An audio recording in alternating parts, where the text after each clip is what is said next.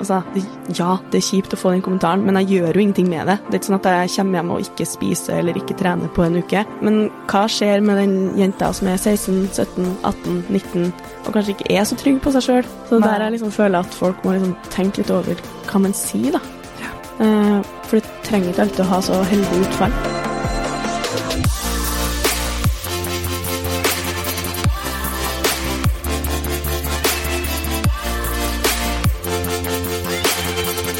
Jeg er så heldig å ha med meg tights.no på laget, som gir meg muligheten til å faktisk kunne lage denne podkasten, og det er jeg så utrolig glad for.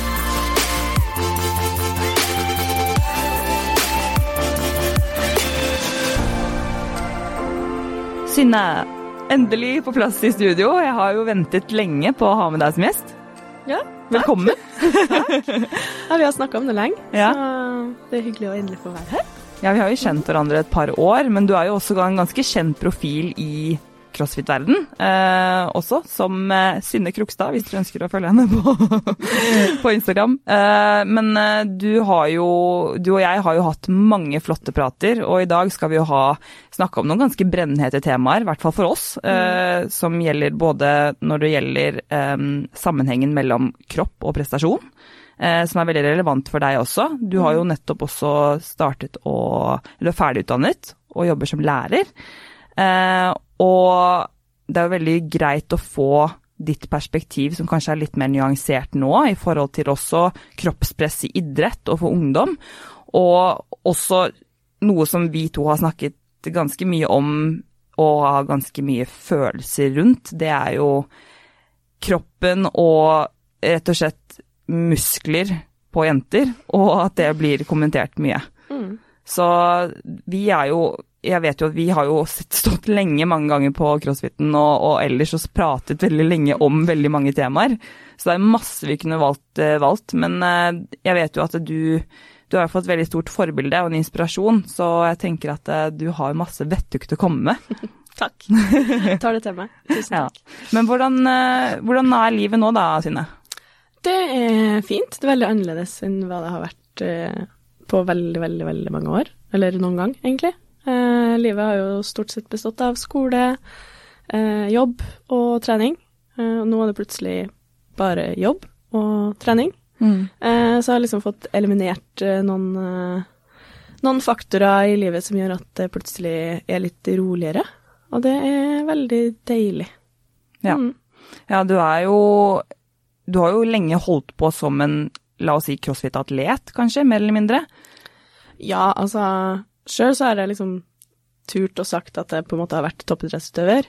Eh, ønsker jo egentlig fremdeles å være det, men de siste, siste to, ja, snart to og et halvt årene så har det vært eh, veldig skadeprega.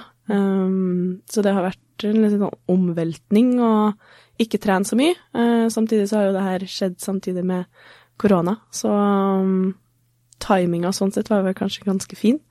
Eh, Jeg følte at jeg har gått glipp av så veldig mye, eh, med tanke på konkurranser og sånn, men eh, det har jo vært eh, rart å gå fra to økter om dagen, eh, altså opp tidlig, ha en økt, dra på skolen, eh, ha økt nummer to, eh, og så jobbe, og så hjem, til å kanskje nå siste månedene trent liksom to ganger i uka, maks. Ja. Så det har vært veldig rart, men jeg håper at jeg snart er tilbake og kan eh, bygge meg gradvis opp, da. Så jeg satser på en sesong til. Ja, Det er liksom målet. ja, for hva har skjedd eh, som gjør at du har, livet har endret seg som det har gjort siste året? Ja, ja, hva har skjedd? Livet har skjedd. Eh, det har jo som sagt starta en ny jobb, og det krever jo en del eh, bare tankevirksomhet og sette seg inn i noe helt nytt. Um, Ja, for du jobber som gymlærer. Ja. Mm. Jobber som gymlærer på Sandvika videregående. Mm. Trives veldig godt. Ja. Um, Syns det er veldig givende og veldig spennende. Um, så jeg håper at jeg kan få fortsette med det. Jeg har et vikariat fram til neste jul cirka, så jeg håper at uh, jeg kan få fortsette der.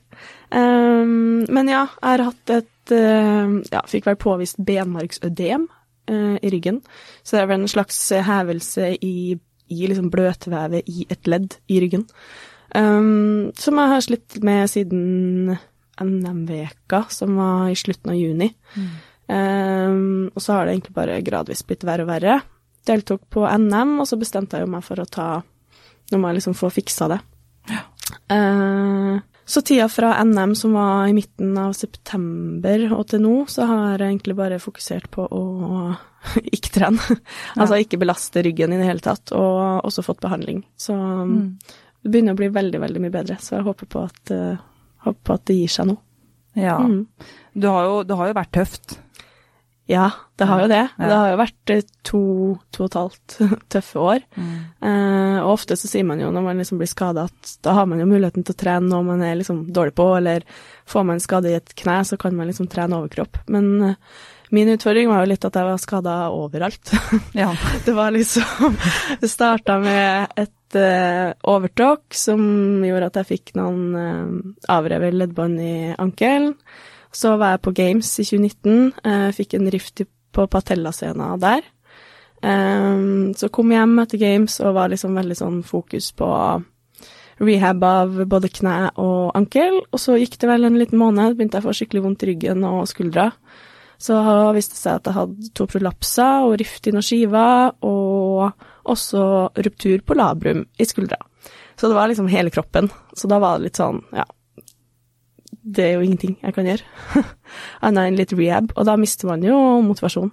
Det er tungt å liksom fortsette, og så ja, kom jo februar-mars i 2020 da, og da kom korona, og så var det litt sånn yes, nå ja. slipper alle andre å trene og bli bedre òg. Så det var litt sånn hvilepute, egentlig. Og litt godt, fordi da var det plutselig ikke noe stress noe lenger, da, med å måtte liksom skynde seg å bli bra.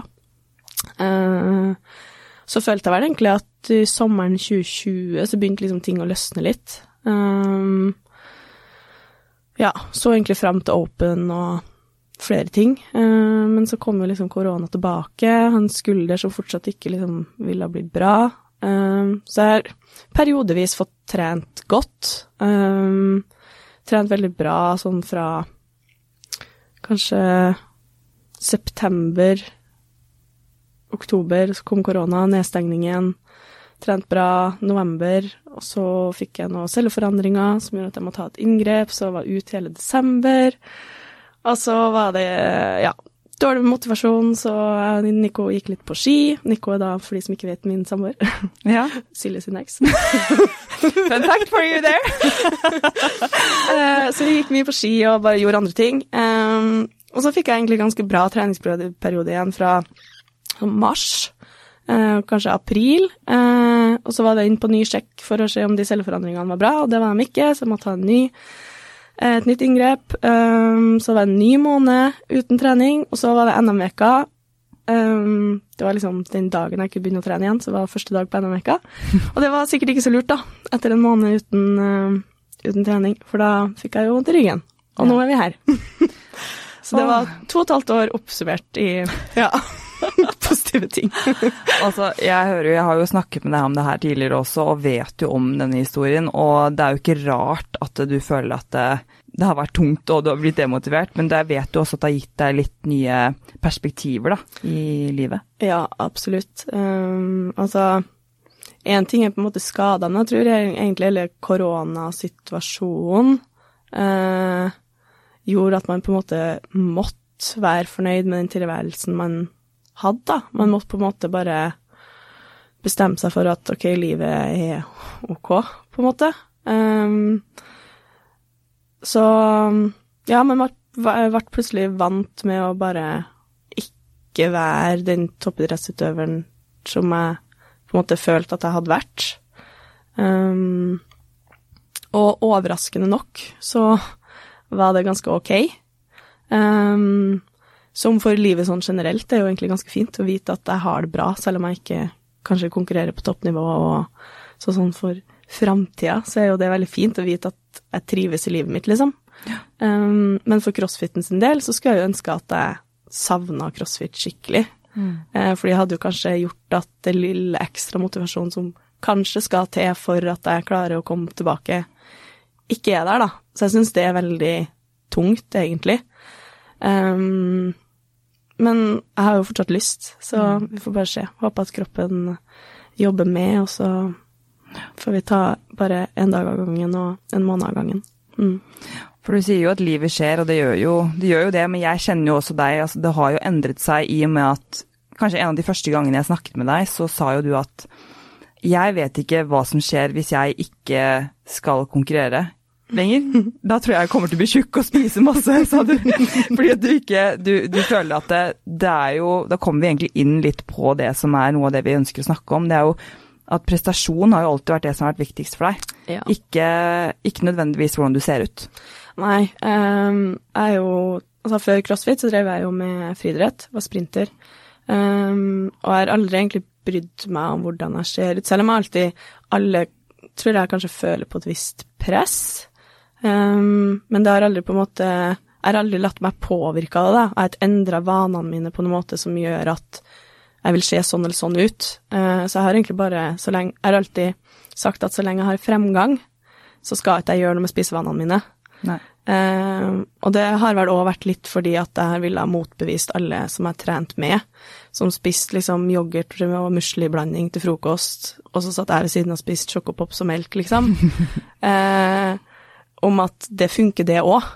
Eh, når de spiste liksom Jeg vet ikke hvilket eksempel jeg har, men altså et eller annet bra da, før mm. en konkurranse som virkelig er prestasjonsfremmende, og du vet at det her gir bra energi, så spiste jeg liksom sjokolade og pizza, pizza slice fra en eller annen eh, bensinstasjon, liksom. Mm. Eh, og treneren min òg ble litt sånn, ble sur på pappa, for at han liksom Er det det hun har spist på tur hit, liksom?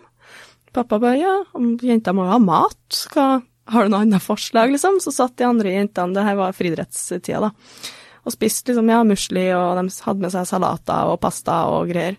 Så tok jeg liksom new energyen min, og så var det liksom oppvarming. Og så viste det jo seg, altså det var jo som regel jeg som gjorde det best på konkurranse.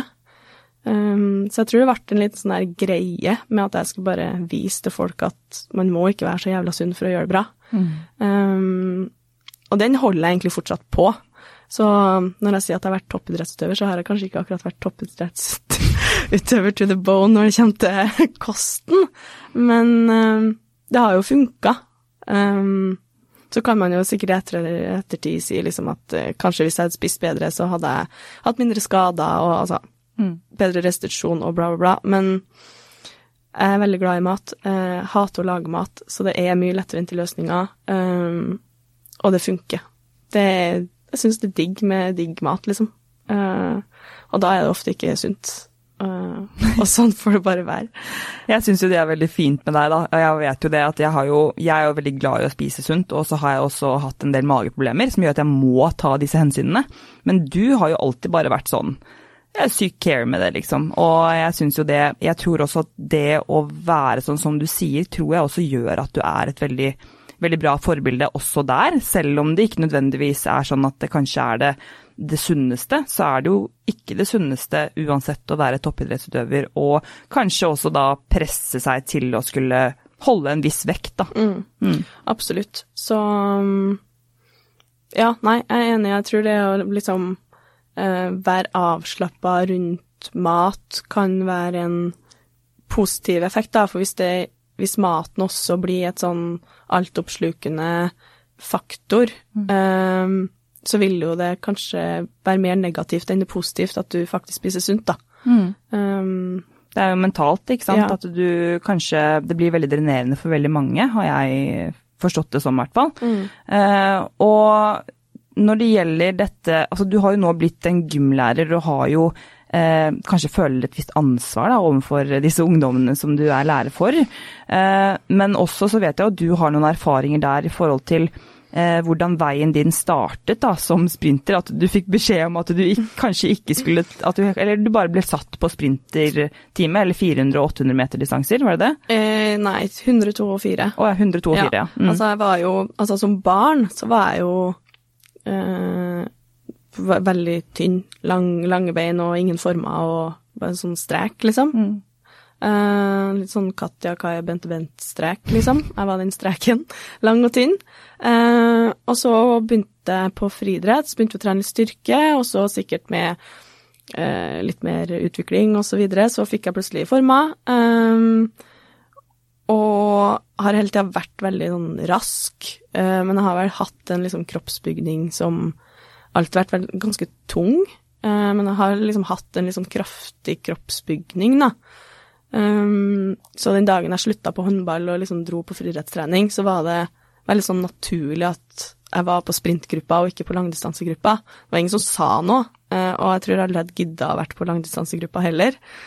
så det var veldig, veldig, fint at de satte meg der. Mm. Uh, men jeg tror jo det er sånn type tiltak man kan gjøre for å på en måte veilede ungdom inn på, på en måte riktig spor, da, uten at man egentlig sier noe som helst. Mm. Og det er jo ting som jeg har tenkt over nå, at kanskje var, altså, det var jo sikkert en grunn til det. At det var ingen som noen gang pusha meg for at jeg skulle springe liksom 800 eller 1500 eller 3000 hinder, liksom. Det var ingen som noen gang spurte om det var aktuelt, og det er jo sikkert fordi jeg ikke Altså, jeg har jo ikke kroppen til det. Nei. Så um, så det er jo på en måte men en hårfin liksom, balansegang hvis jeg hadde vært oppmerksom på det, kanskje, og vært mer sensitiv for liksom, kropp og press og sånne ting, så kanskje jeg hadde tenkt over det. Jeg vet ikke. Nei, fordi det er jo nettopp det som kanskje er et, litt problematisk, i hvert fall sånn i dag, at du merker at det, um, det blir ikke et spørsmål om kanskje du skal velge en annen retning eller en annen, eh, eller en annen altså, gren innenfor idretten eller hva det måtte være. Eh, det er mer fokus rundt at eh, du må spise på en viss måte for å kunne ha den vekten som er optimal for den sporten du driver på med, for eksempel. Da. Mm. Eh, og det er jo kanskje det som blir litt problematisk i forhold til at Um, hva er det som er viktigst? Er det, er det, helsa på lang sikt, eller er det prestasjonen der og da, uh, i forhold til hvordan du ser ut? Og det er jo det å kanskje forbinde kroppen da, med, um, med at det er et produkt som skal levere, istedenfor mm. å ta vare på det på, på best mulig måte for uh, hormonenes skyld også. Mm. Jeg tror det er et vanskelig skille? Når går du på en måte fra barn til ungdom og fra ungdom til voksen? Når man, er man på en måte voksen nok til å forstå at i enkelte idretter, eller kanskje de fleste idretter, så har på en måte kroppen din noe å si for prestasjonen, da. Hvor tidlig skal man liksom implementere det? Mm. Eh, og det kan jo være veldig individuelt. Um, så jeg tror det er vanskelig for både altså, lærere, eh, trenere å på en måte finne liksom den gylne middelvei, da, når er man på en måte voksen nok til å ja, forstå at i utholdenhetsidretter så er det dessverre en fordel å være lett, mm. og da også ofte liten, mm. Fordi jo mindre kroppsvekt du har, jo høyere VO2max kan du få. Um, men når skal man liksom fortelle det? Skal du fortelle det til en åtteåring, eller skal du fortelle det til en tolvåring, eller er det liksom uh, Kanskje er det for tidlig å si det til en 20-åring òg. Mm. Altså, jeg tror det er veldig individuelt, da. Ja. Uh, og vanskelig å Jeg tror det er et vanskelig tema, da. Som er vanskelig å finne et fasit på. Jeg er veldig enig, og jeg tror at det er en, en av grunnene til at jeg i hvert fall uh, hyller crossfit så mye, for det er ikke noen vektklasser, og det er veldig sånn Du kan finne styrker og svakheter pga. kroppsfasongen din, da. Og så er det litt sånn For å finne en gyllen balanse, så tror jeg ikke det er, det er, det er veldig vanskelig å finne akkurat riktig eh, proporsjoner, for å si det på den måten. Ja. Så. Eh, det er jeg helt enig i. Crossfit er jo veldig, kanskje litt sånn unik i den mm. sammenheng, fordi det krever liksom rå styrke. Eh, for å være sterk så er det ofte en fordel å være stor og tung. Mm. Eh, det krever også en enorm utholdenhet ja, det, da krever det å kanskje være litt mindre og lett. Eh, gymnastikk Altså, det er så mange faktorer da, som gjør at jeg tror ikke det finnes liksom én riktig eh, kroppssammensetning eller kroppstype. Eh, som gjør at veldig mange har mulighet til å bli veldig god. Ja. Og det er kjempefint. Jeg tror også vi ser jo veldig mange forskjellige også i denne sporten. Um, som er Det er så ulike fasonger. Det er så ulike kropper som presterer på et høyt nivå som presterer like bra mm. i en konkurranse eller i et event. Da. Og jeg tror at det også er også veldig fint å prøve å um, fremheve dette mer i media. Litt den forskjellen på um, altså ulikhetene vi har. Fordi at det er ikke nødvendigvis fettprosent eller hvordan du ser ut som har noe å si med hvordan du presterer nødvendigvis. Nei, absolutt. Uh, og kanskje Altså, jeg har aldri vært noe opptatt av fettprosent og jeg har ikke peiling uh, på hva jeg har, eller hva jeg har hatt. Og, men jeg kan jo se sjøl at selvfølgelig, det har jo vært varierende til meg òg, men det er jo alt fra Ok, på sommeren så har jeg litt lavere fettprosent enn på vinteren, fordi jeg sikkert svetter mer og er generelt mer aktiv. eh, enn på vinteren, men det gjør meg liksom ingenting. Eh, og jeg har aldri følt at det har gjort noe med prestasjonen min heller, om fettprosenten min har vært sånn eller sånn. Eh, så ja, jeg vet ikke helt hvor vi var nå. datt litt ut. Nei, nei men det er, jo, det er jo faktisk sånn at eh, det handler kun om det. Jeg har også tenkt mye om, at det, han, eh, tenkt mye på, at det handler mye om livsstilen. Så det handler helt om hvilken situasjon du er i. Altså hvor mye jobb har du? Eh, hvor mye stress har du i livet ditt? Hvor, eh, ja, altså, hvor hverdagsaktiv er du, rett og slett? I tillegg til da kanskje hvor eh, Sånn som på, på vinteren så begynner det å komme mer kvelder hjemme istedenfor å være mer ute, ikke sant. Og sånne ting spiller jo inn, men du trenger jo ikke nødvendigvis å, å gjøre noen drastiske endringer i, i kostholdet for det, mindre du føler at det er veldig viktig for deg å se ut på en spesiell måte, da, eller ha en viss vekt eller fettprosent. Ja, og jeg ønsker jo som lærer, da, å på en måte få elevene mine til å forstå at altså, hvordan kroppen ser ut, det er på en måte en bieffekt av den treninga du gjør. Eh, så nå når vi holder på med liksom egentreningsperiode og vi har styrketrening, så er det Jeg ønsker at de skal liksom forstå at å få større rumpe er ikke et mål. Eller å få lavere fettprosent, det er ikke et mål. Nei. Det er noe som skjer fordi du trener. Eh, men å bli sterkere er et mål. Eller å få til sin første pullup eller sin første pushup, det er et mål. Eh, og så ser på en måte kroppen din ut sånn som den gjør, da, av at du trener. Og det, da vil jo resultatet bli helt annerledes òg. Altså, en kropp er helt ulik fra person til person. Um, så det er liksom så synd, da, at VG1-elever kommer og spør liksom hva er den beste rumpetreninga? Du ser så godt trent ut, hvilke øvelser gjør du?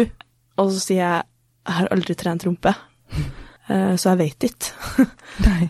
Det er sikkert noen øvelser som er mer isolerende for rumpe, men har aldri liksom Det har aldri vært i tankene mine at jeg skal trene det eller det for rumpa. Jeg har bare trent de eller de øvelsene fordi jeg må bli sterkere fordi sånn og sånn. Så det er det jeg på en måte ønsker at liksom, dagens ungdom skal på en måte lære seg, da. At kroppen, eller ja, den fasongen man har eller får, er bare en effekt av treninga, og det er ikke det som avgjør om du skal trene eller ikke. Hvis det ga mening. Det gir veldig mening, og det er jo derfor jeg også mener at du er eh, et så bra forbilde, og det er så fantastisk at de har lærere som deg da, i, i, eh, i skolen nå. Så det skal du ha, og det syns jeg også er kjempekult. At Takk. det inspirerer meg også, på mange måter. Så jeg tror også at eh, det vil danne et bedre forhold eh, fra tidlig alder av hvis du tenker på den måten. Eh, for det er jo kanskje litt det derre forvridde bildet vi har i dag eh, gjennom både sosiale medier og, og det er jo kanskje der vi blir mest påvirket. Om hva som er akseptert og hvordan du skal se ut. At hva som er den perfekte og ideelle kroppen. Uh, og det er jo ikke på noe grunnlag av hva du kan prestere. Nei, absolutt ikke. Så ja, jeg håper liksom at man kan flytte liksom det fokuset bort fra hvordan kroppen ser ut, til hva kroppen kan, da. Jeg syns det er mye kulere å se ei jente ta x antall kilo i bøy, eller så mange pullups, eller springe 3000 så så fort, enn at hun skal ha en type scenekropp, liksom.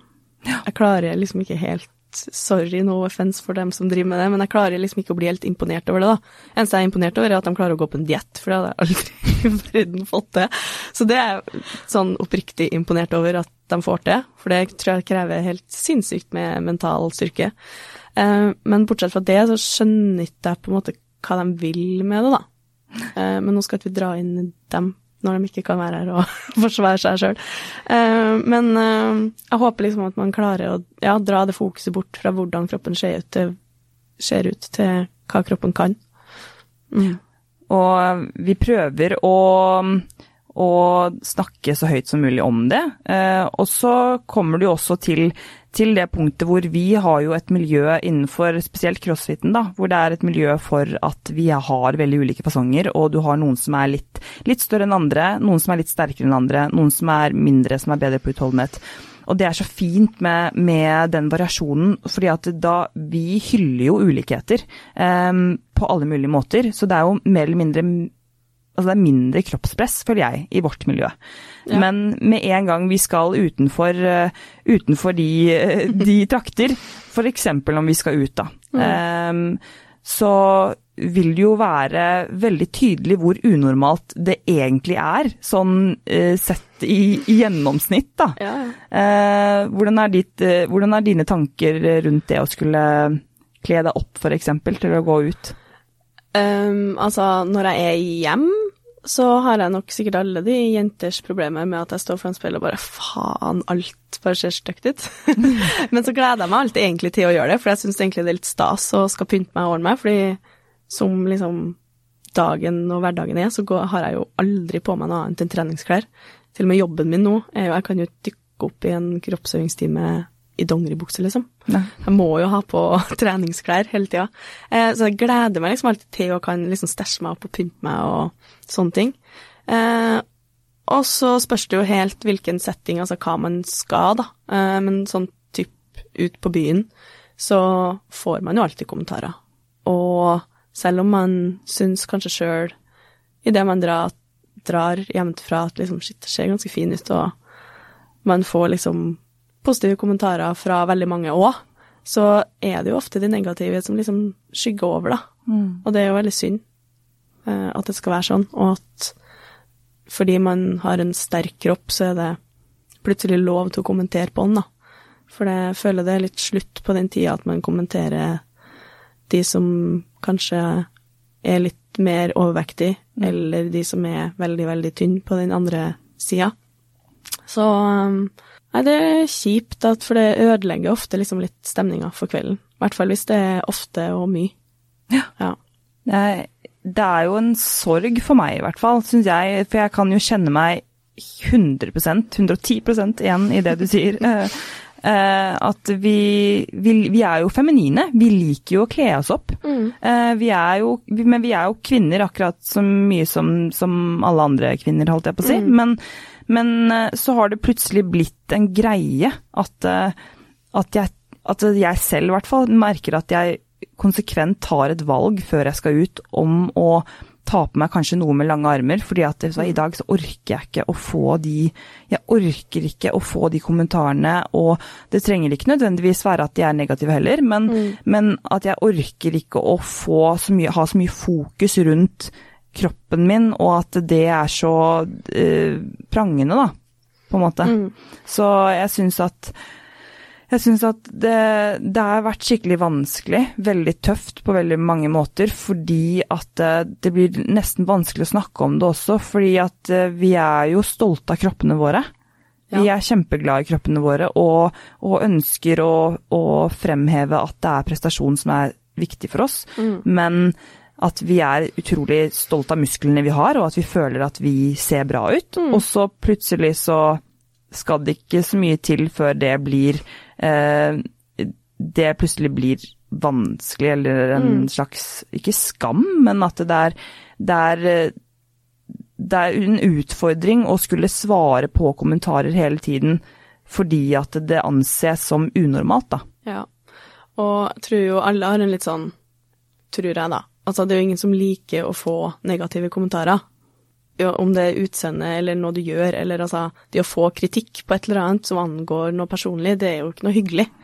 Eh, selv om man er liksom stolt av det arbeidet man gjør, om det er på jobb eller eh, på trening eller hvordan man ser ut, så, så, endrer jo det på en måte ikke hvordan man ser på seg sjøl, men det ødelegger liksom ofte for ja, man, hvordan man har det den dagen, eller ødelegger stemninga på byen, da, eller mm. at man, som du sier, tar på seg noe annet Mm. Man slutter kanskje å kjøpe eh, stroppe, stroppesingletter mm. som type topp, liksom, og man velger heller langarma kjoler eller et eller annet. Og det er jo litt synd, fordi vi vil jo også vise oss fram, som alle andre som drar på byen gjør. Det er jo ofte derfor man drar på byen, man ønsker å vise seg fram. Mm. Så det er jo litt kjipt at vi føler at vi ikke kan gjøre det. Fordi det er jo faktisk sånn at, eh, at eh, når du drar ut og du selv føler at ok, nå ser jeg faktisk ganske fin ut, men så har vi også dårlige dager. Vi har dager som kanskje ikke er at vi er på topp eh, psykisk, f.eks. At vi føler at det kanskje har vært en litt kjip dag og sånn, og så føler du liksom at du får den lille boosten av å, av å kle deg opp med en fin kjole eller hva det er, og så, og så blir det Det skal ikke så mye til, da, Nei. før det kanskje den selvtilliten blir eh, revet ned. Nei. Jeg husker jo det Kanskje ikke alle som hører på podkasten som husker det, men vi husker kanskje den eh, forsidebildet, om var VG eller hvor det var den gangen eh, Marit Bjørgen hadde på seg kjole, liksom. Eh, og hun ble sammenligna med en mann, og, og det er jo på en måte det samme vi hører nå. Eh, og det er jo liksom trist at ikke utviklinga har kommet lenger, da. Der sto liksom hun og mottok eh, pris på Idrettsgallaen, og for en fantastisk prestasjon, og så er det liksom hvordan hun ser ut som blir dratt fram, da. Så helt fantastisk ut, liksom. Ja. Endelig ser vi en uh, skistjerne i en kjole. Når, hvor ofte gjør vi det? Mm. Uh, og så er det liksom det som blir fokus, da. For at hun hadde liksom store armer. Eh, og det er jo helt sykt òg at liksom, det er det media fokuserer på, da. Så ja. Ja, jeg ble jo til og med sammenlignet, jeg husker det kjempegodt, jeg ble jo til og med sammenlignet med Marit Bjørgen. Tenkte å, det er jo kjempekult, uh, på grunn av armene mine og kjolen og sånn, men så kom det jo frem i etterkant at uh, de syntes det så helt forferdelig ut. Mm. Og da er det sånn, å ja, men så det var på ingen måte noe kompliment, eh, ikke sant? Så, så jeg vet jo også selv at det, det, det krever um, det krever en del å stå, å stå i det, så selvfølgelig skal vi, skal vi prøve å være så positive som mulig og, så, og være stolte av oss selv og kroppen vår, men det er jo det er jo likevel sånn at man skulle trodd, da, som du er inne på, at vi hadde kommet lenger, i og med at det er ikke greit å eh, Hvis noen slenger en kommentar til deg, og så er det en person som er litt uh, røsligere, så sier jo ikke jeg men, ja, men du har jo du har lagt deg ut en god del. Eller, ikke sant? At det er jo Det er jo det er så rart det der, hvordan det er akseptert, da. Kanskje det vi må begynne med. Ja. Og faktisk fyre tilbake. ja. Det har blitt god stemning, i hvert fall. Det kan, kan, du kan jo prøve. Kan jo prøve. Ja. Um, nei, så det, Men det viser jo Det viser jo veldig uh, at det er um, en viss føring eller en viss sånn uh, Det ligger på en måte til grunn da, i, uh, i dag at det er en viss ideell kropp for kvinner og menn, og det ser du jo også bare gjennom, eh, gjennom eh, klær, altså det å skulle velge klær for oss, da. Mm. At det er jo en viss eh, proporsjon du må passe inn i for å kunne kjøpe kjoler og fine ting, eller bare generelt vanlige klær, da. Mm. Jeg syns jo det er helt håpløst å kjøpe klær. Jeg vet ikke hva, hva du syns. Altså, det er jo, ja, det er jo Jeg er helt enig. Det er kjempevanskelig. Jeg husker mamma en gang, det var jo før jeg skulle på en reunion, hadde på meg en sånn eh, ja, topp med tynne stropper. Og så er vi bare ja, men sikker på at du ikke skal ha på noe som dekker litt, da. Jeg bare åh, hvorfor sier du det? Og så prøvde jeg liksom å si ja, men prøv å finne da, noe som passer. Altså, finn en fin topp, du, som passer til meg, liksom. Som enten da ikke er liksom full, lang arm og fluffy, eller bare med stropper. Fordi den med stropper passer jo faktisk. Den får du jo på. Mens er det liksom T-skjortearm eller lang arm, så kan du jo risikere at det heller ikke funker. Um, og med de type kroppene vi har, så er vi jo kanskje en, eh, alt fra en eh, small, ekstra small i midje, og så er vi plutselig large, extra large i, liksom over skuldre og rygg. Så det er jo helt håpløst.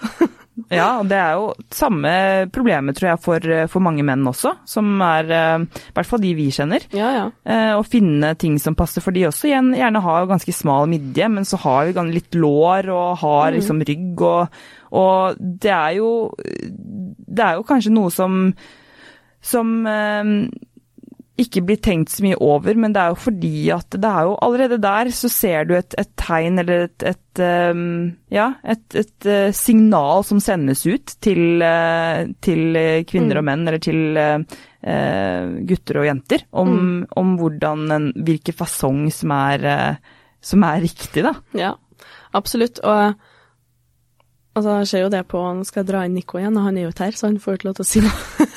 men altså det er jo håpløst for han å finne seg klær, liksom. Mm. For det er jo ingenting som passer. Skal han ha en bukse, så er den jo alltid tre nummer for stor i livet, liksom. Minst.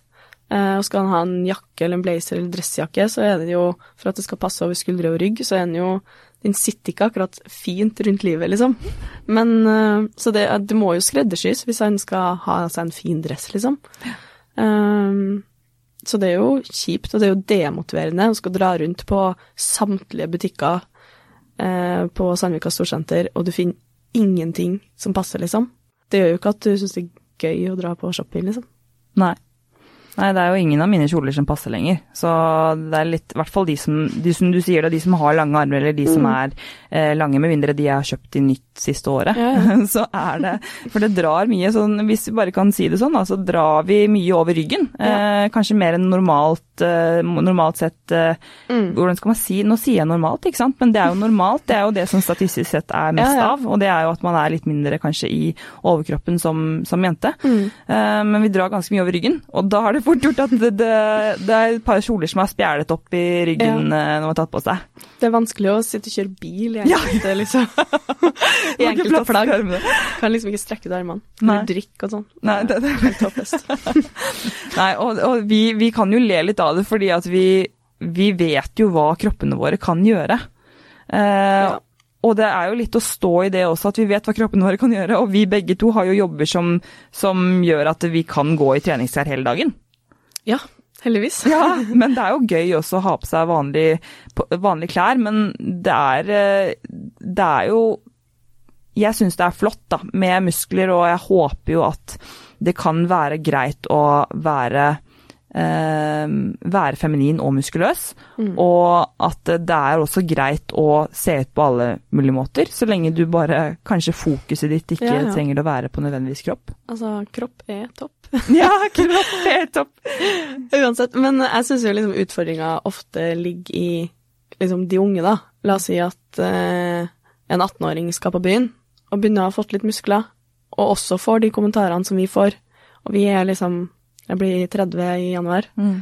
Eh, så jeg Altså, det, ja, det er kjipt å få den kommentaren, men jeg gjør jo ingenting med det. Det er ikke sånn at jeg kommer hjem og ikke spiser eller ikke trener på en uke.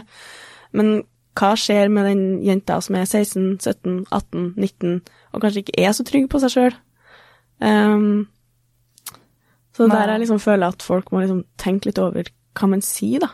Ja. Uh, for det trenger ikke alltid å ha så heldig utfall.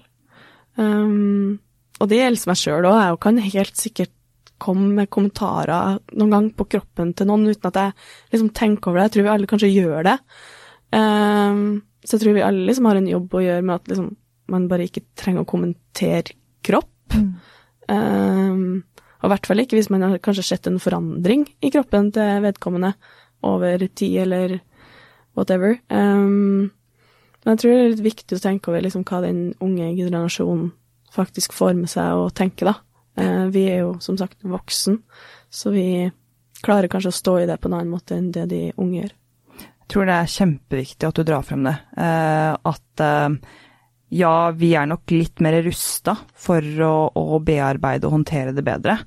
Eh, sånn at jeg kan jo fint sette meg inn i skoene til, eh, til ungdommer eller til 18-åringer og tenke at eh, hadde det vært meg, så hadde nok det påvirket meg på en helt annen måte. Så som du sier, så tror jeg at vi kan bli flinkere til å, til å ikke kommentere på kroppen til, til andre. Um, det er jo selvfølgelig kjempefint innenfor uh, innenfor visse rammer, kanskje. Uh, innenfor visse miljøer og situasjoner. Men uh, da tror jeg det kan være greit å kanskje kjenne en person bedre. Ja. Sånn at du vet kanskje litt mer om mennesket, og veldig, veldig få vet jo hva som skjer. Mm. Hva som skjer bak lukkede dører, holdt jeg på å si. Hva som skjer i, i menneskers liv. Um, for det er jo de fleste opprettholder jo en fasade. Ja, og selvfølgelig er det bestevenninna di, så herregud, gi bestevenninna di Ja. komplimenter på kroppen, eller Mm. si at uh, nå, du har trent på et halvt år, kanskje er det Hva er det, er det noe gærent? Kanskje Mm. du Skal vi dra på trening sammen, Mm. eller altså Mm. Er det noen du kjenner, så selvfølgelig være ærlig og Mm. støtte, men er det en random på byen, eller noen du kanskje ikke kjenner så godt, som du sier, liksom Du vet aldri hva som skjuler seg liksom bak, da. Um, så Iselin Guttormsen kommenterte, la ut story på det i går, Mm. um, om at liksom hun hadde fått masse kommentarer på at hun så så flott ut nå, for hun hadde gått ned så mye vekt. Så sier hun, men det er jo ikke flott, fordi jeg har gått ned i vekt av min livssituasjon. Jeg står i et samlivsbrudd. Så ja, takk for at dere syns jeg er fin, men det er ikke en bra måte jeg har gått ned i vekt på. Det er ikke en positiv greie i livet mitt som skjer nå. Eh, Så bare ikke kommenter på kropp. Det er helt vanvittig. Det var jo akkurat det samme som, som skjedde med meg, egentlig. At jeg gikk gjennom en sånn, en sånn ting i livet mitt for ikke så lenge siden. Og så levde jeg ikke nødvendigvis sunt, men jeg så plutselig veldig mye mer trent ut, fordi at jeg har en genetisk en veldig markert kropp. Mm. så det ble liksom til at det, da også kom vi inn på det at kropp eh, ikke er, trenger å være sammenlignbart med prestasjon i det hele tatt. Fordi at alle bare Og nå, nå er du godt trent, liksom. Nå er du in shape. Og jeg tenkte bare Du skulle bare visst. Jeg er ikke Altså, jeg, jeg har ikke matlyst. Jeg, Mm. eneste jeg får i meg nesten er godteri. Jeg trener hele tiden fordi at jeg psykisk må klare å holde meg hodet over vann for å klare å gjøre jobben min. Eh, så ja, det er, som, det er som du sier igjen, at um, jeg tror, eh, jeg tror vi, kan, vi kan bli flinkere både som altså bare så, Vi må jo starte som medmennesker, at vi, at vi er flinkere til å, å, å snakke videre rundt dette her. Og at jeg håper også at, det- at flere lærere kan ta tak i det i skolen, og at eh, vi kan bli flinkere, kanskje foreldre, til de snakker, hvordan de snakker til barna sine. Rundt eh, både at det er kjempefint å være i aktivitet, men kanskje hva vi fokuserer på, og at vi ikke trenger å fokusere på kostholdet i så tidlig alder. Ja, tenk, altså Med mindre det er helt uh, bak mål, selvfølgelig, da, Ja, eh, og du ikke er aktiv. Men ja. Det er jo fortsatt ikke barna sin jobb. Nei, det er nettopp Det det. er foreldrene sitt ansvar, ass. Mm. Sorry, jeg er ikke foreldre sjøl ennå, men, men altså, barn skal ikke ta ansvar for sin egen eh, kropp eller eh, kostholdsvaner. Da må foreldrene ut og ta med kidsa på ting og legge opp til sunnere mat uten at kidsa egentlig skjønner det. Ja. Eh, det er ikke et barn på åtte år eller tolv år sin oppgave å gjøre det. Nei, og de trenger ikke å vite noe om de endringene som skjer heller. Hvis familien har fått beskjed fra helsesøster om at her må man gjøre grep, så Mm. ikke si det til barnet på åtte år. Um, eller tolv, eller 14. Altså, Nei, så jeg tror Jeg også tenker det, at det er eh, hvis Jeg får jo veldig mange henvendelser også der i forhold til at kanskje familien trenger å spise sunnere, eller at barnet begynner å legge seg ut, eller eh, Og da sier jeg for guds skyld ikke, ikke snakk med barnet ditt, eller la barnet ditt være oppmerksom på hva som skjer. Hvis du føler at dette Så, så er det faktisk, som du sier, ditt ansvar. Eh, og prøve å legge til sunnere vaner, sånn at det blir eh, et eh, godt grunnlag fra starten av. Mm. Jeg er helt enig, og altså, en vanlig sunn norsk husholdningskost Altså vanlig sunn, sa jeg nå, men vanlig norsk husholdningskost er jo sunt og bra. Da er det grønnsaker, det er salat, det er ris og potet og pasta, og det er kjøtt og fisk og fugl og Altså, spis normalt, hvis man kan si det sånn, da. Så går det som regel bra. Og et barn vil jo uansett i perioder sikkert gå opp og, ikke opp og ned i vekt, men altså ut fra kanskje særlig gutta, da, som litt, henger litt etter i utviklinga eh, i forhold til vekst. Så kanskje perioder der de er litt eh, smålubne og søte før de liksom strekker seg, og plutselig de kiloene er fordelt på en litt lengre kropp, da. Så nei, jeg tror det er litt viktig å holde liksom barn unna liksom detaljer. Eh, Man skal være åpen og snakke om ting hvis de lurer på ting. Hvis de spør, så er det selvfølgelig kjempeviktig å forklare. Men det er ikke alt barn trenger å vite, kanskje. Eh, og jeg tror det, ja, som sagt, foreldrene sin oppgave Nå er vi inne på et helt annet tema, men eh, foreldrene sin oppgave å liksom, så det er bare- ta ansvar for barna sine. Barna kan ta ansvar for seg sjøl, altså det er barn. Ja. Her må liksom åh, skoleopplegg, vet du. Er Ja, ja. ja, men jeg syns det er engasjert her. Jeg syns liksom Altså, det er så mye som bare blir prakka på skole og barnehage, og Mm. må foreldre begynne å ta litt ansvar, ass. Mm. Jeg er så lei av at uh, ansvaret blir skjøvet på over på alle andre. Eh, foreldrene har fortsatt et ansvar still i 2021, liksom. Ja, ja. Så, dette, her, ja, dette her viser jo bare hvor mye lidenskap du har, og hvor mange lidenskaper de prater vi har hatt, ikke Ja. minst. Så det er jo de samtalene vi har som, som jeg var, var inne på innledningsvis, som, som eh, jeg tenker at eh, vi har mye mer vi kan prate om, og jeg Ja, ja. håper jo at du ønsker å være med igjen. Ja, gjerne masse. Altså skolesystem og Ja. prestasjonssamfunn og masse vi kan prate om, Silje. Ja, så det er jo kjempefint. Jeg tror altså det har vært en så fin samtale, og jeg sier det igjen, du er jo en så stor inspirasjon. Takk det samme. Og, ja, takk. og jeg, eh, jeg tror at vi, vi skal prøve å Eller vi skal snakke videre om disse temaene og være mm, så gode forbilder vi kan. Mm. Eller eh, hva jeg pleier å si, ekte bilder. Altså real models. Um, fordi at eh, det er ikke noen fasit på kropp og fasong og på livsstil generelt. Nei. Så Heldigvis. Heldigvis. Så vi skal fortsette å mm, hylle ulikheter og mm, prøve å være, være ja, fremsnakkere av det. Mm. Enig. Yes. Men tusen takk igjen. Takk selv. Og det med å huske å være snill med deg selv. Ha det bra. Ha det.